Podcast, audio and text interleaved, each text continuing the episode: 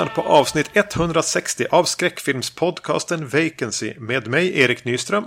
Och med mig Magnus Johansson. Och du har inte gjort läxan. Nej. Du har inte sett A Ghost Story. Nej, precis. Jag missade. Eller jag hann inte helt enkelt. Det var väldigt mycket och mycket gäster och sånt. Så eh, det blev inte så mycket tv-tid eh, för mig. Livet kallas det tror jag. Ja, precis. Vi har väl annat ändå. Vad vi gör i det här avsnittet är ju då Herschel Gordon Lewis specialen som har gått genom året. Eh, Mm. Det är sista avsnittet och vi har sett How to make a doll från 68. The Wizard of Gore från 70 och The Gore Gore Girls från 72. Vi tänkte även göra den här lilla summeringen vi brukar göra när vi har haft ett tema på ett år. Att plocka fram någon favorit, prata lite grann om hur vi upplevde det. Men det lägger vi sist. Yes. Och avviker inte från gängse förfarande utan eh, tar det här i kronologisk ordning och då är alltså How to make a doll först ut. Eh, det här är ingen blodig Herschel Gordon Lewis-film. Det här är väl vad man skulle kunna kalla för en tramsig sexkomedi. Om en töntig collegeprofessor som eh, tillsammans med sin kollega, äldre kollega ska man väl säga, eh, har byggt en dator som även kan göra robotar. Och e- eftersom de här är sådana nördar så har de naturligtvis aldrig egentligen kommit i närheten av en kvinna. Så de börjar använda den här datorn till att göra den perfekta kvinnan för dem. Vilket leder till någon slags förveckling. Så, så eh, det här är väl kanske den som sticker ut mest i hela Herschel Gordon Lewis eh, temat vi har gjort. Eh, Så är det verkligen. Förtexter brukar du prata om. Ja, precis. Här ser förtexterna ut, tyckte jag, som ett gammalt LP-omslag. Ja, precis. Jo. Och jag undrar så här, är det meningen att det ska vara lite... Eh, ska blinka åt hur de kunde se ut? Eller är det bara ett, eh, ett collage av lättja? Ja, precis. Eh, ja, det är frågan. Det står också hela tiden eh, Do not bend, fold, staple or mutilate. Eh, på det här eventuella skivomslaget eller vad det kan vara som, som det är menat att eh, stå på. Jag tyckte det var, förutom att det är som vanligt när det är Herschel Gordon Lewis att allting får pågå lite för länge. Så var det ganska snygga förtexter. Ja, det tycker jag också. Och så här skön musik till. Precis. Så det, det var ju nice. Sen börjar filmen. Det här är ju ett eh, riktigt eh, snabbgöra. Jag har i många av ha- de här filmerna haft känslan att det här är någonting som du och jag och de eh, vi umgicks med under högstadiet hade kunnat göra. Men aldrig har nog den känslan varit så stark som här. Nej, precis. Alltså det är typ ett gäng 30-åriga högstadieelever med en filmkamera. Som har, alltså på håltimmar, gjort en film. Alltså att manuset har som fått eh, manus inom eh, citationstecken fått komma fram lite grann för vad man kände för att göra just då. Eller, och även hela tiden ett öga på, på vad är vi uppe i för speltid nu grabbar? ja, precis. Att här handlar det om att komma uppåt så nära 80 minuter som möjligt.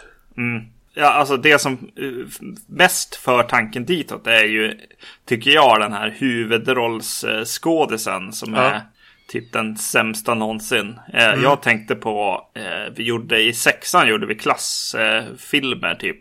Ja. Parodier på parodier i princip. Det, det, det kändes lite som skådespeleriet i, i de filmerna. Ja, det här är mer att man bara har bett någon man kände vara med. Ja, någon som är jätte, jätte nervös och awkward kring det här. Ja, och så sen så gör de ju kvinnor här med den här datorn och datorn i sig är skitannoying. Alltså det här gurglar och hostar och bubblar fram en massa ljud. ja, Jättelänge. precis. Innan den då åstadkommer någon slags robot. Eh, verkar spelas av Herschel Gordon Lewis. Eh, han, har, han går under pseudonym på eh, att han skrivit den här filmen. Och eh, den påhittade manusförfattaren är den som gör eh, rösten till datorn här. Ja. Och som sagt, även där får det ta väldigt lång tid. Och det är en sekvens innan just de börjar använda datorn när den här collegeprofessorn och den äldre professorn. De är väl båda två collegeprofessorer, men när han ska förklara hur han har kommit fram till lösningen på formulan för att göra det här. Som är en dialogscen. Alltså, det finns väl någon så här, komisk punch i att han aldrig kommer fram till vad det är han vill ha sagt. Mm. Men det måste ändå finnas gränser för hur långt man får ta en sån scen. Ja. Alltså, ja, men här använder de dialog för att fylla ut speltid. Mm. Vilket blir ganska irriterande. Ja. Och, och, och, och sen så startar de den här gurglande, irriterande robottillverkaren eller datorn. Som Mm. naturligtvis då spottar ur sig, efter några misslyckade försök, eh, bikinimodeller. Mm. Som älskar de här nördarna till deras stora skräck. Ja, precis. Det känns som början på någonting här liksom. Men det händer ju liksom inget mer än så. Eh, känns det som. Eh, Det är klart att, att det händer en liten liksom eh, plott som skulle kunna liksom eh, vara någonting i en 80-talskomedi. Ja. Med att han faktiskt träffar en, en riktig kvinna. Och så har han den här roboten efter sig på något vis. Mm. Ja, men den lilla, lilla, lilla som presenteras är ju, jag tänker att vi kan spoila det här, ingen kommer att bry sig. Nej. Att den här äldre mannen eh, låter sig ju på något sätt absorberas av datorn eftersom han börjar få problem med hjärtat tror jag. Så under en sekvens i filmen så skickar ju den här roboten slash äldre professorn ut våran yngre collegeprofessor att uppleva saker så han ska få leva genom honom. Mm. Eh, Så det tänkte man, okej vart ska de ta det här? Ska det leda fram till en stand-off någonstans mellan de här? Mm. Nej, Nej. man, man överger det ganska snabbt. Ja. Eh, och sen har den, har den en gimmick som, det, det, det kunde jag gilla. Att den, hur den släpper scener. De har lagt på Ja. ett ljud som är typ ploing. En fjäder typ. Ja. Ja. Och, och så låter de som bara kameran sprätta iväg åt något håll. Det är som Ja, att de bara precis. snabbt drar den uppåt eller neråt eller någonting. Istället för att klippa. Ja, men Mm. eh, jag säger inte att jag gillar ljudet. Även om jag på något sätt efter ett tag vande mig vid det på ett lite behagligt sätt. Mm. Men att, att bara... Det gav någonting till bildspråket. Ja, precis. Att någonting hände. Att Ja. eh, kameran snabbt åkte upp till höger liksom. För att byta scen. Ja, det har jag också skrivit upp som det positiva med filmen. Eh, men, och, och, men, men, och sen glider den över till en sekvens där den här collegeprofessorn träffar en riktig tjej. Precis det som händer. Och där var jag så osäker på, ja, var, var är vi nu? Och, och, och det var lite skämt med att eh, inte ha på sig glasögon eller att glasögonen var trasiga och han träffar en tjej och han presenteras för föräldrarna och man förstår aldrig riktigt var, var, var det här är på väg. Nej. Och då för ett ögonblick var jag med den. ja. Och kunde tycka att det här är... Deras kärlekshistoria är ändå lite gullig. Ja. Eh, Det är en rätt lekfull film och en jävligt knäpp film. Mm. Eh, Så, så under en, säg en kvart mot slutet så, så var jag hyfsat med i det här. Och, och kunde, jag hade som vant mig vid det där fjäderploinget och att kameran sprätte iväg med jämna mellanrum. Och ja men det här, det här har, jag har ju aldrig sett något liknande. Det är inte Nej. bra. Jag skulle aldrig rekommendera det här till någon. Men jag är lite glad att jag ändå sitter och tittar på det här. Ja, jag kom nog inte, inte hela vägen dit. Men Nej. eh, det kändes som att ändå när, när den liksom slutade så kände jag bara ja men visst. Mm. Eh, vad tusan. Eh, det, ja, det kan jag väl hålla med om lite grann. För jag var under första halvtimmen, 40-45 minuterna av det här. Den är kanske bara 75 minuter lång. Var jag fullkomligt inställd på att det här är, det, här är det, riktiga jävla bottennappet. Men med någon liten gullighet så vann den över mig. Jag trodde, jag såg det verkligen inte komma. Att jag ändå kunde acceptera den och säga, ja men, ja, men visst. Och det här är ju väldigt barockt. Precis. Ja, jag kände, jag, jag tror att det, det kom ännu senare för mig. Det var verkligen så här slut-punchlinen på Ja. något sätt som bara, ja men visst. Det är Slut- klart det ska sluta så här liksom. Det var inte helt tokig punch ändå. Nej, nej. Men det här är ju fil- en film som egentligen inte borde ha fått överleva. Nej, precis, nej. Det här hade ju, alltså som jag säger, det, den här har ingenting som lyfter den över för vad vi skulle, alltså med de filmskapar eh, skills vi hade lyckats skaffa oss när vi var 15. Om vi fick för oss att göra den här filmen så hade vi nog kunnat göra det bättre. Ja. Alltså det de har är ju att de har lyckats bygga någon slags dator. Ja, lite- ja. Ja, men alltså att de har i alla fall dragit in några kontrollbord i ett rum och, och limma upp saker på väggen. ja, ja, det har de gjort. Och de har lyckats betala några bikinimodeller Mm. att springa runt. Det, det roliga där, där datorn är, är att det går det är orange golv och så går det så här eh, linjer över golvet. Så det, det upplevs som att den här eh, platsen liksom är uppbyggd runt, typ i en gympasal. Ja, förmodligen är den ju det. Ja, ja, jo, jo det är det nog. För det var den st st största lokal de hade tillgång till. Hyrde den på helger och sådär. Just det, någon inomhus liksom löparbana liksom. Ja. Ja. Alltså jag vet, jag, jag, jag, tycker inte vi ska stanna något längre vid How to make a doll va? Nej, nej. Utan vi går till eh, The Wizard of Gore från 70. Kanske en av hans mer kända filmer, inbillar jag mig. Hade du hört talas om den här tidigare? Ja, precis. Jo, men det hade jag ju. Och eh, kanske framför allt för att vet du, Crispin Glover är ju med i någon slags remake som jag har Ja. sett en trailer på någon gång på 2000-talet. 2007 kom den, så det börjar vara tio år sedan. Bara det. Ja. Ja. Och det är ju någonting att lägga på, på minnet känns det som när man ser den här filmen. Man blir ganska sugen. Eh, men det är ju precis vad det låter som egentligen. Alla har vi väl tänkt tanken på en trollkarl som sågar itu en kvinna och att han faktiskt skulle såga itu en kvinna. Och det är det man har improviserat ihop till en film. eh, Montag the Magnificent uppträder på en massa eh, med små klubbar. Eh, eh, en, vad ska vi kalla det för? En, inte en Ricky Lake, men någon till någon lokal tv-station som har en eh, liten show. En ung kvinna befinner sig i publiken och blir lite intresserad av att intervjua Montag.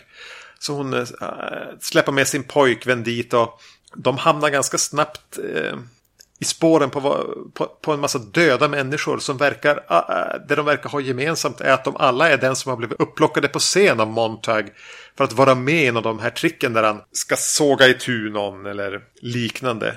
Pitchen är alltså den itusågade kvinnan är faktiskt itusåg, en itusågad kvinna. Mm. Eh, den här har, har ett eh, trevlig musik i, i introt.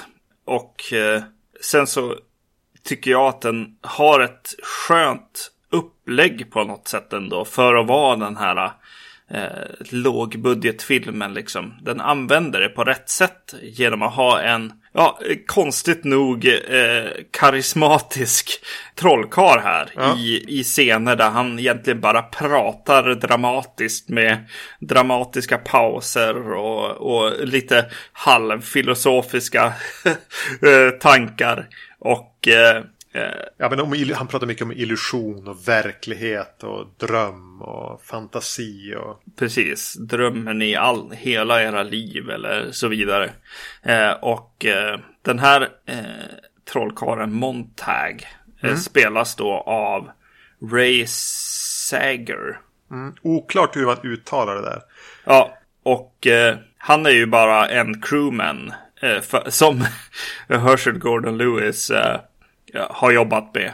Mm, han är med i någon av de tidigare vi såg föregående avsnitten här med de här eh, gängen som höll på att bråka. Mm. Så var han en gängledare i alla fall. Ja. Han är med i någon av dem tidigare, kommer inte ihåg vilken nu. Nej, just det. Eh, men men mest så monterar han lampor och annat. Eh, Ja. eh, men på grund av omständigheter så eh, sa tydligen helt plötsligt Herschel Gordon Lewis eh, på deras första inspelningsdag. Va? Vill du spela Montag? Och han hade sagt ja visst. Eh, så det är ganska, ganska, rolig ingång på något sätt i den här filmen. Och de fick ju sminka honom så han skulle se äldre ut. Det är ju tydligt att Montag ska föreställa vara en man kanske i 50 mellan 50 och 60 medan den här Ray är ju inte en dag över 30. Nej, precis. När vi har eh, sett lite Herschel Gordon Lewis eh, film så verkar det ju vara en grej som han gillar att göra. Eh, att att måla mäns ögonbryn och hår grått. Ja, och den här Ray Sager, jag håller med, han är oväntat karismatisk. Det är inget skolat över det här skådespelet och det är inte heller så här charmigt oskolat utan han, han har bara någonting som gör att han kameran gillar honom i all mm. hans stolpighet. Ja, precis. Och han verkar ju eh. ha en karriär fortfarande. Inte som skådis. Eh, men så sent som typ 2015 så var han eh, producent för olika tv-serier. Och han har producerat en hel del skräck genom årtiondena. Mm det, det jag gillar mest med han är hans eh, dramatiska pauser när han pratar. jag tycker det finns något härligt i det. Eh, I, det är någonting som är så mycket skönare i den här filmen än i den förra filmen. Mm. I hur den eh, drar ut på tiden liksom. Att tiden ska gå. Det finns, finns en, eh, ja men lite av en nerv att mm. komma till liksom. Det, man vet att man ska komma till någonting det här eh, trolleritricket på något sätt. Eh, lite, lite som jag tyckte att Inglourious Bastards var en av, av Tarantinos ändå ja, bättre filmer. Just eftersom att han hade ofta lagt in någonting som gav lite nerv, någonting som kan hända när som helst liksom. Eh, här är det ju mest en punchline som man väntar på, men mm. eh, jag tycker det funkar. Det här är väl den Lewis-film av de vi har pratat om som spelar mest som en vanlig film. Mm. Den har ett genomtänkt upplägg och det känns inte som att speltiden måste fyllas ut med sekvenser. Nej. Utan att de sekvenser som får ta tid passar ändå att de gör det. Ja. Jag tänker även att det kanske är hans dyraste film hittills. Nu gissar jag bara. Ja. Tänkte du förresten på uh, bildformatet? Nej. Det tog kanske en timme in i den här innan jag insåg att det här är den första av Lewis-filmerna vi har pratat om som är i eh, bredbildsformat. Ja, just det. Den här är någon slags 16.9 medan de andra har varit 4.3. Just det. Vilket väl också kanske förstärker känslan av att det här är en riktig film. Ja, just det. Ja, det är sant. Mm. Ja, sen är det ju en mordhistoria här som, som liksom de som har varit med på, på eh, de här tricken, kvinnorna som som har utsatts för de här äh, tricken och sen liksom eh, ja, kommit tillbaka och eh, de blir mördade på, på vägen hem eller hemma mm. eh, efter eh, på kvällen. Och man får följa några som försöker lösa det här fallet. Hon då, som, som du pratade om i i början här och hennes eh, sportintresserade kar. Ja. Eh, så, som verkligen inte uppskattar att eh, hon eh, eh, drar med honom på något annat än en fotbollsmatch. Han känns inte jättesympatisk. Nej, han hotar med att döda henne ganska ofta. Ja. Eh, som, som, som ett skämt. Som nyförälskade ofta brukar skämta va? Ja, precis. Ja. Yes. Uh, men det kanske är en red herring eller bara Herschel Gordon Lewis uh, sätt att vara på något sätt. Ja, på tal om, på tal om uh, vår älskade regissör här. Jag tror det är i första mordet så klipper de, alltså det man får se trollkaren på scen trolla. De mm. klipper dem till publiken, en ganska oinspirerad bild på publiken. Jag tror det är det första av det när man klipper tillbaka den. Så är jag rätt säker på att han sitter i publiken. Okay. Jag letade på IMDB och sånt för att se han i sig, audience member, men, men nej. Men jag, okay. han sitter längst ut åt ena hållet och har sin så här, lite oljiga kammade frisyr. Just det. Det krävs nog att man köper den här lite slasheriga mordgåte fast ändå inte alls en mordgåta upplägget och gimmicken med att en trolleri, att, att trollerierna egentligen handlar om att slakta folk. Mm. Och jag gillar den här high concept gimmicken. Mm. Alltså, ja precis. Eh, framförallt så gillar jag de sekvenserna när, de, när han faktiskt trollar. Mm. Och hur de använder eh, musik till exempel. Ja. Och eh, framförallt goret liksom. Det är ju verkligen gore. Det är inte bara blodeffekter här. Och han njuter ju verkligen av det här genom att till exempel när han sågar i, i den här första Ja, det är en motorsåg va? Ja. ja, använder en motorsåg och sen när kvinnan ligger där med alla inälvor och sånt eh, framme så går Montag eh, fram och verkligen grötar runt med fingrarna och händerna liksom och lyfter alla de här grejerna. Och eh, medan som gör det så, så bry, bryter de liksom musiken och kommer till en mycket mer otrevlig gnissel liksom musik som sen vänds tillbaka och så sakta så blir det mindre och mindre av de här gore-effekterna igen och så helt plötsligt står kvinnan där igen. Mm.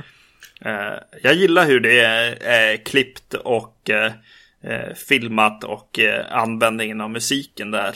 Och att man får, får se publiken som sitter och betraktar det här lite grann som att man betraktar en, ett uppträdande väldigt stilla så sitter de och tittar på någon. Så, ja, så, så, så, som klipper mellan det här jättegroteska med, med en viss typ av musik och något, något lite mer lugnare och så de här publikbilderna. Mm. Eh, det, det, används ju ett par gånger på rad. Men det är rätt effektivt. Och även där tror jag att den här Sagers eh, karisma spelar en viss roll. Mm. Mm. Ja, jag tyckte att gåret var, var rätt jobbigt. Eller framförallt mm. situationerna ibland. Eh, det, det finns en sekvens med en svär, svärdslukning. Eh, ja, fy fan. Mm. Som är otroligt äckligt att, att se på. Och man, det är liksom lite så här in camera effekter av att så här. Ja, men vad händer här egentligen? Och man ser lite grann av tekniken, men man fattar inte riktigt heller. Nej. Eh, så, så det blir bara äckligt och jobbigt eh, när, när det här svärdslukandet går eh, snett eller, eller hade väldigt sadistiskt där helt enkelt. Ja, det är riktigt obehagligt tycker jag. Ja, och det var ja. lite jobbigt. Jag nästan ville titta bort. Mm. Eh, mm. Ja, det är någonting med den här filmen ändå. Alltså jag gillar eh, hur den är upp, uppbyggd som sagt eh, med de få lokalerna de ändå har. Och just den här att komma tillbaks till samma plats skapar ju här då ett litet obehag för vad som ska hända härnäst. Liksom. Mm, mm. Eh, vilket är skönt. Lite grann som den här, ja nu kommer jag att tänka på Paranormal Activity när de kom in i, i sovrummet och har den kameran liksom. Direkt den, den dyker upp så blir det lite så här, oj vad ska hända den här gången? Mm. Eh, nu är det inte lika e-, effektivt rent, alltså jag blir inte lika rädd som jag blev i första Paranormal Activity direkt. Men eh, ja, det, det finns någon nerv definitivt när man kommer tillbaks in i hans shower. Och det att de använder det kanske en gång för mycket egentligen gör att den här effekten blir starkare. Mm. Att man blir lite irriterad på det här paret att de inte knäcker nöten lite tidigare. Mm. Och då är man ju trots allt ganska involverad i det här. Ja. Mer än vad man tänker att man ska vara. Eller för mig blev det så. Ja. Jo, det håller jag med om. Eh, och även här, lite, lite grann i likhet med How to Make a Doll så bjuder den på någon liten oväntad knorr i slutet också. Ja, just det. Mm. Som jag inte, jag har sett den här tidigare och, och tyckte om den eh, då och jag tycker om den nu också. Men, och jag hade helt glömt bort den här lilla twisten. Mm. Som ändå är värd att vänta på. Ja, precis. Det, det sås, sås eh, och skördas i den här filmen på ett sätt som man inte är beredd på. Nej men precis. Ja. Ska vi fortsätta med, med Gore-titlar? Ja, precis. The Gorgor Girls eh, från 1972 som eh, skulle bli Herschel Gordon Lewis eh, sista film, trodde han eh, då. Och eh, därför så gav han sig an att lägga lite extra budget på den här filmen. Och det hans, var, var definitivt hans dyraste ah. produktion vid tillfället.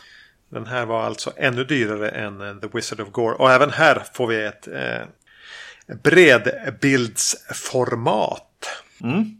Eh, The Gore Gore Girls. Trevlig titel. Mm. Eh, är väl eh, en slags Herschel Gordon Lewis Giallo. Någon mördar strippor. Och in på scenen kommer en slags eh, brittisk gentleman. Jag vet inte om han är brittisk men han är i alla fall en detektiv som tar sig an fall och här anställs han av eh, en tidning för att utreda vem som ligger bakom morden på de här stripporna. Mm, det är vad den handlar om. Eh, och eh, ja, han är ju någon slags modern eh, Sherlock, Sherlock Holmes. Ja. Är väl tanken lite grann. Eh, Jag tyckte han såg ut som, dels tänkte jag på eh, David Niven och, och dels tänkte jag på Eric Idle i Monty Python. som, som, som då ska vara lite eh, sofistikerad och lite snobbig och lite arrogant. Hur han eh, letar sig fram genom de här ganska smutsiga och sunkiga stripphaken i jakten på vem det nu är som mördar dessa strippor. Och han får då en ett kvinnligt bihang med sig till sin stora förtret som är kvinnan utskickad av tidningen som anställer honom. Just det. Eh, alltså, den här filmen öppnar ju eh, skönt för en Giallo-diggare. Eh, den, den öppnar ju med den här kvinnan som står framför en spegel i, i någon slags eh, röd lägenhet och eh, speglar sig. Och en Giallo-mördare med handskar och allt som bara slår in ansiktet i spegeln som hon står och, och eh, speglar sig i. Seven style nästan. Ja. och eh, eh, dödar henne på det sättet genom att ja, förstöra hennes ansikte helt enkelt som hon då tyckte var så läckert. Eh, och ja, men, men även med kniv. Och eh, den här, alltså, ja, eh, han har ju hittat en nisch här liksom med sitt gore, alltså, helt klart.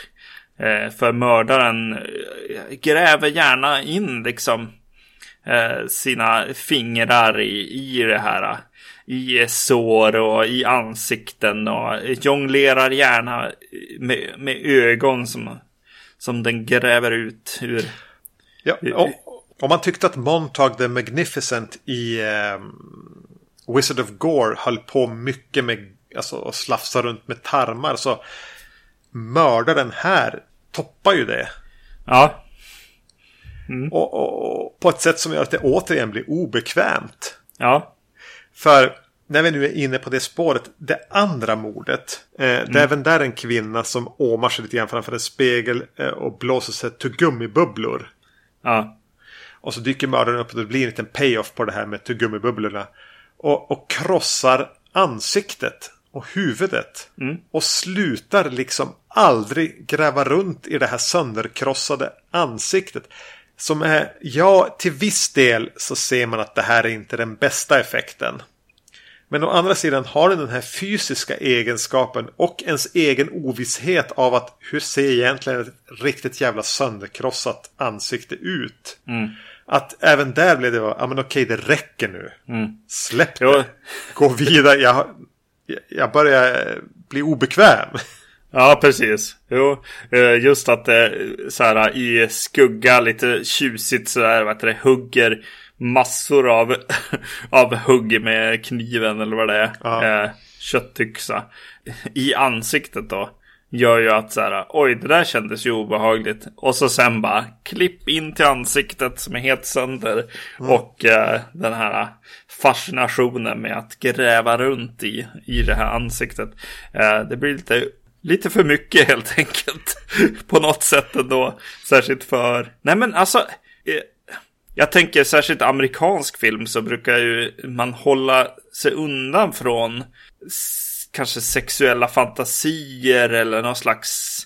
Alltså när man går liksom över gränsen. Eh, på något sätt. Känns det som.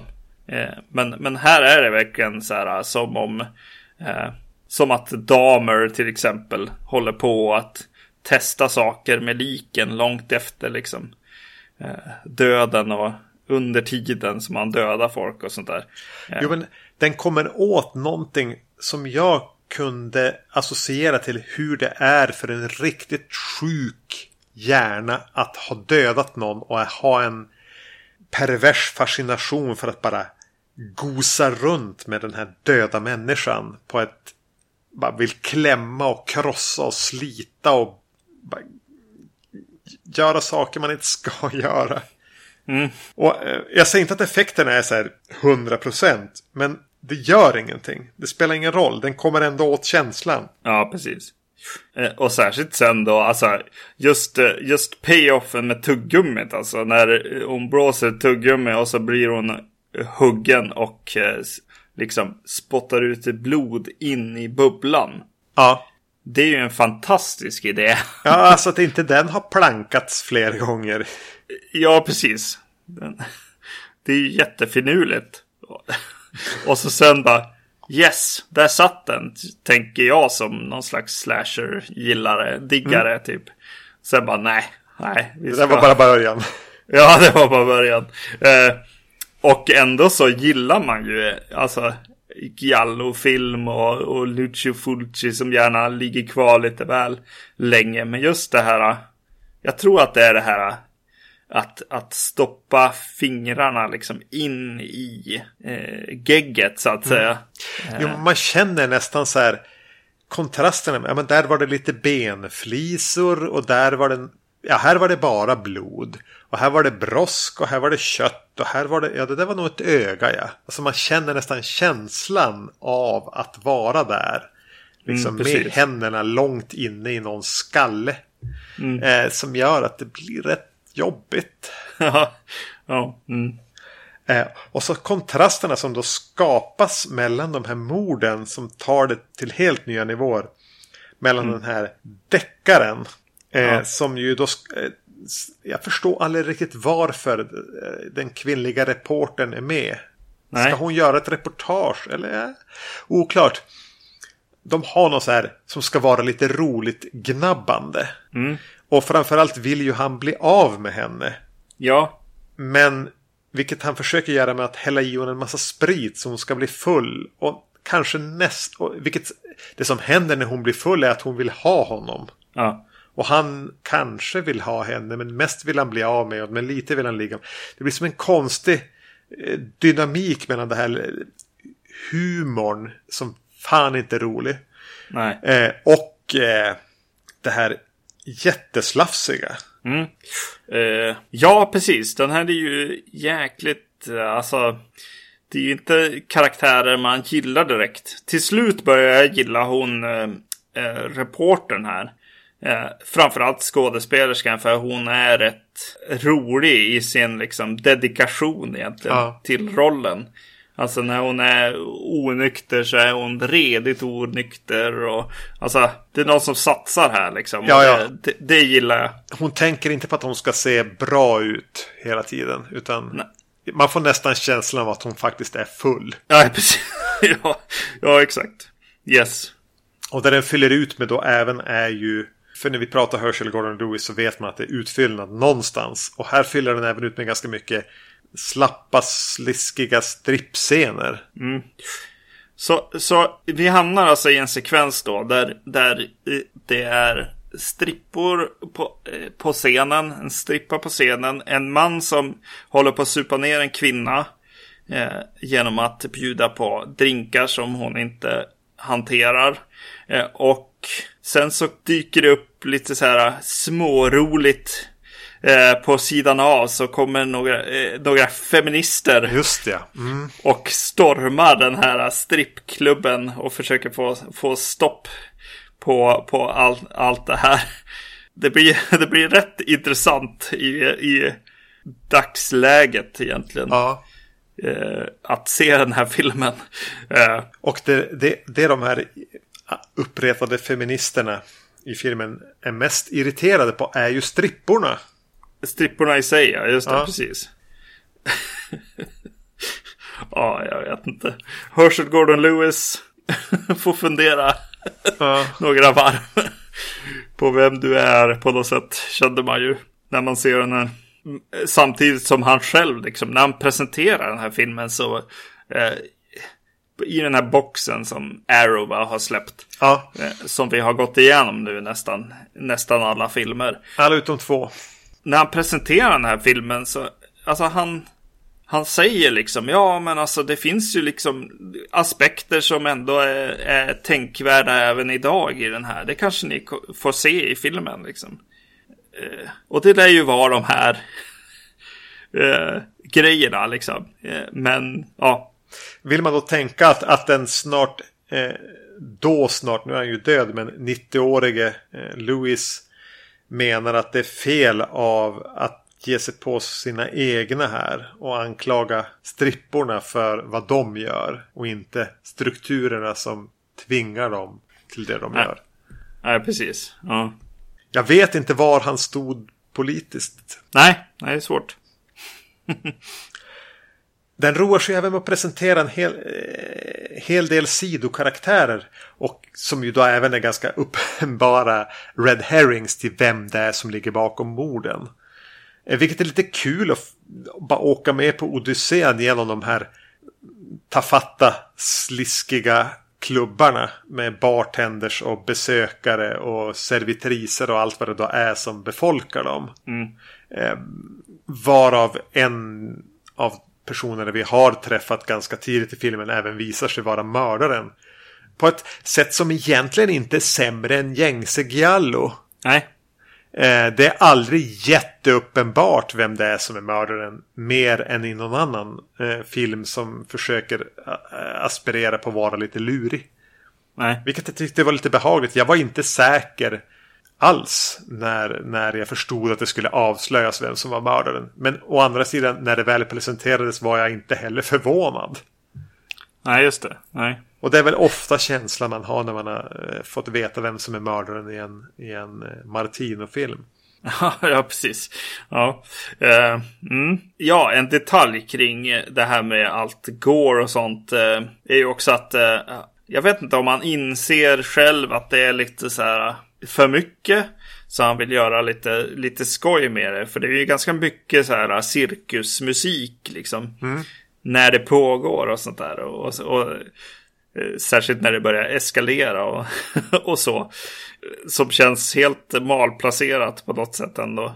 Mot för förra filmen där, där gåret är en, en menat som obehag på något sätt. Och förstärks av musiken i, istället. Medan här så är det som mer stock music. Eh, mm.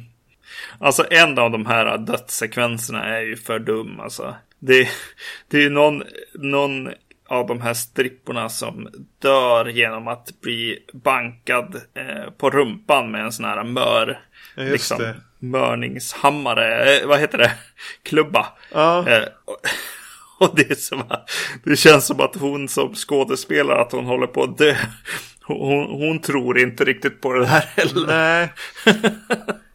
Särskilt i ljuset av de tidigare morden som har varit. Som ändå har varit på något sätt förankrat i någon slags verklighet. Ja, ja. Eh, så är det lite svårt att acceptera. Och det har väl hon också. Ja, det, ja.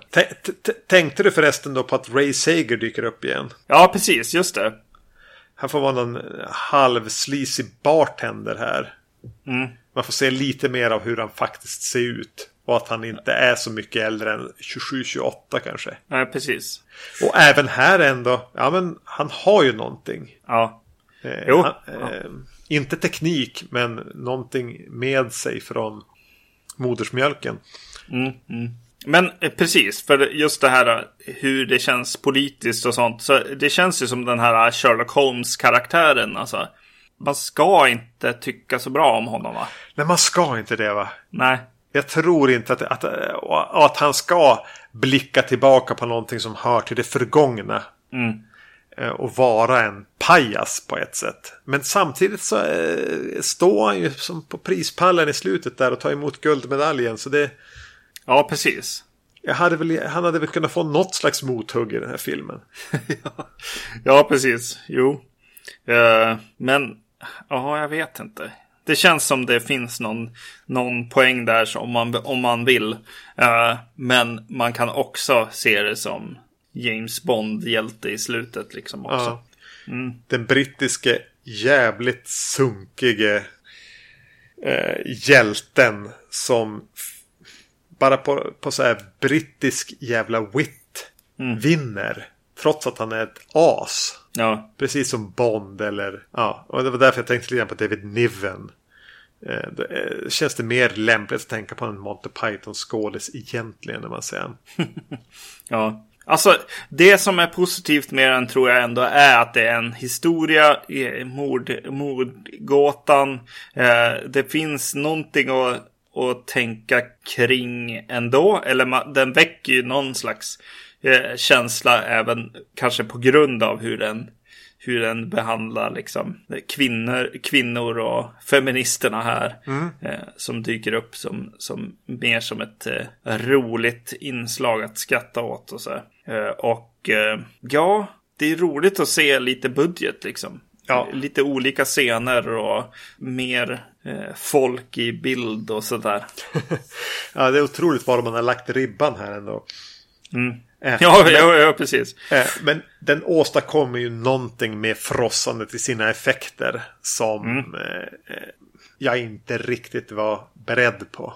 Nej, precis. Alltså 72 kommer den här och alltså de här tortyrporr-filmerna som kom där ett tag. De har ju ingenting på den här filmen. Nej. Så är det ju. Är det någonting egentligen som lever upp till titeln The Grandfather of Gore. Förutom då det, de tidiga filmerna som Lewis gjorde var i, i att de äldre var, hade någon pionjäranda. Så är ju det här verkligen det som visar att det är någon som fan sätter en agenda. Och lyckas, ja, lyckas åstadkomma någonting med, med de effekterna. Bara trycker ner i ansiktet på en. Mm. Både med, den här, eh, med The Wizard of Gore och uh, The Gore Gore Girls. Mm. Känner jag. Uh, den här har ju rolig, uh, roligt slut också. I, I bara en text i slutet där det står We announce with pride this movie is over. Jo. Det är härligt. Och den är ju ett väldigt värdigt slutpunkt på, en, på den karriär som han hade här. Fram till ja. den här. Sen slutade han ju inte göra film för det. För han insåg att han kunde fortsätta tjäna pengar. Ja. Men eh, som en slutpunkt för den här boxen är den ju väldigt självklar. Mm, mm. Jag tänker att vi försöker glida över här eh, något sånär omärkt till en mer svepande sammanfattning av det här året 2017, Herschel Gordon Lewis. Du hade ingen erfarenhet av honom tidigare. Uh, nej, precis. Uh, det hade jag inte. Och så kom ju den här boxen och sen gick han bort också. Och då blev mm. det ju som en självklar eh, grej att göra på podden. Jag kan, eh, kan, ju inte säga att jag är världens största fan. Eh, det är jag inte. Jag, jag skulle önska att jag hade sett alla de här filmerna med ett större gäng människor. Eh, tror jag skulle ja. hjälpa lite grann. Att man, man kan sitta och skratta åt det mer än vad man gör i sin ensamhet, höll jag på att säga. uh, ja, men de, de, har ju lite vibben av partyfilmer. Ja. Eller det är ju så nu Arrow försöker marknadsföra dem åtminstone. Mm. Som The Crazy Grandfather of Gore and eh, bla bla bla. Mm. Precis, den skulle kunna ligga tyst i bakgrunden på någon eh, rolig klubb.